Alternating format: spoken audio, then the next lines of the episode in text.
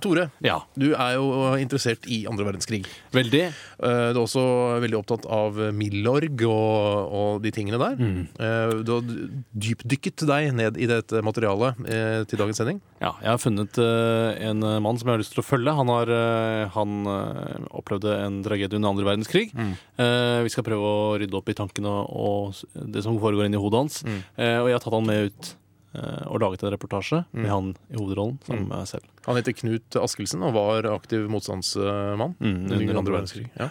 La oss eh, høre på reportasjen, eller montasjen Tore har laget til sendingen i dag. Ja, den, eh, den ble kanskje ikke helt sånn som planlagt, men eh, Det blir jo ingenting. Nei. Nei. sant.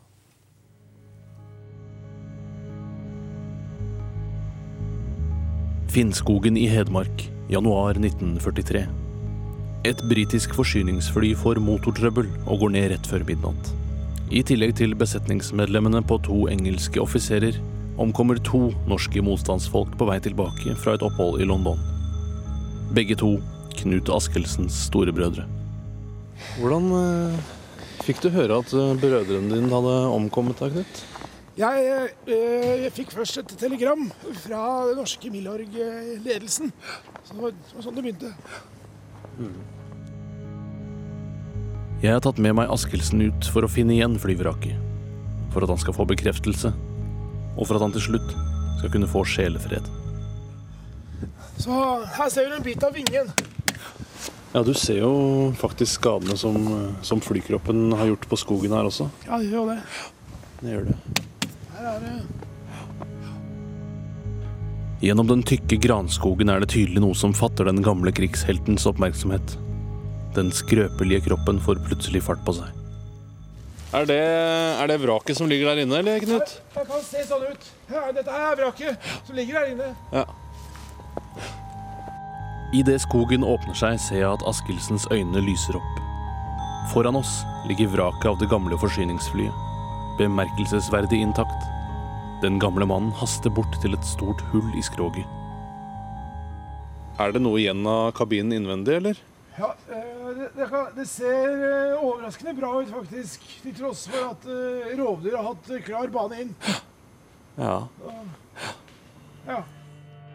Jeg presser meg inn i kabinen etter Askildsen, og synet som møter oss, er et jeg gjerne skulle vært foruten. Å, oh, herregud. Å nei, nei, herregud. Nei, det der Den går ut, Henrik. jeg, jeg tror jeg er best å få ut landet ut. Jeg tror det er best, det.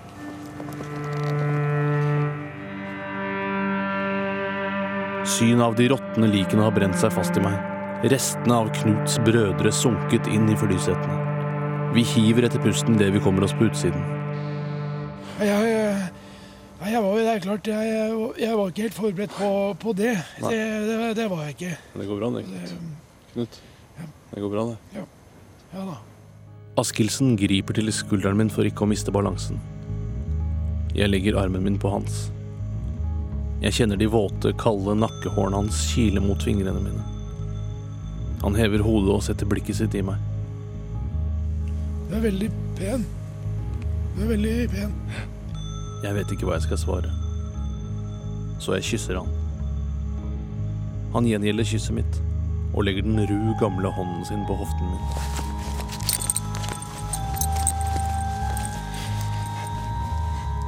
Jeg river meg løs, og fra sekken henter jeg ut et ullteppe som jeg brer utover den kalde grunnen.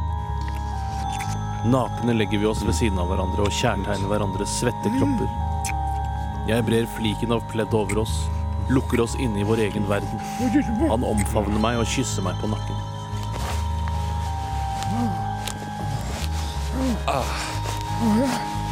Ja da. Å, Knut. Å, dette er gjort før.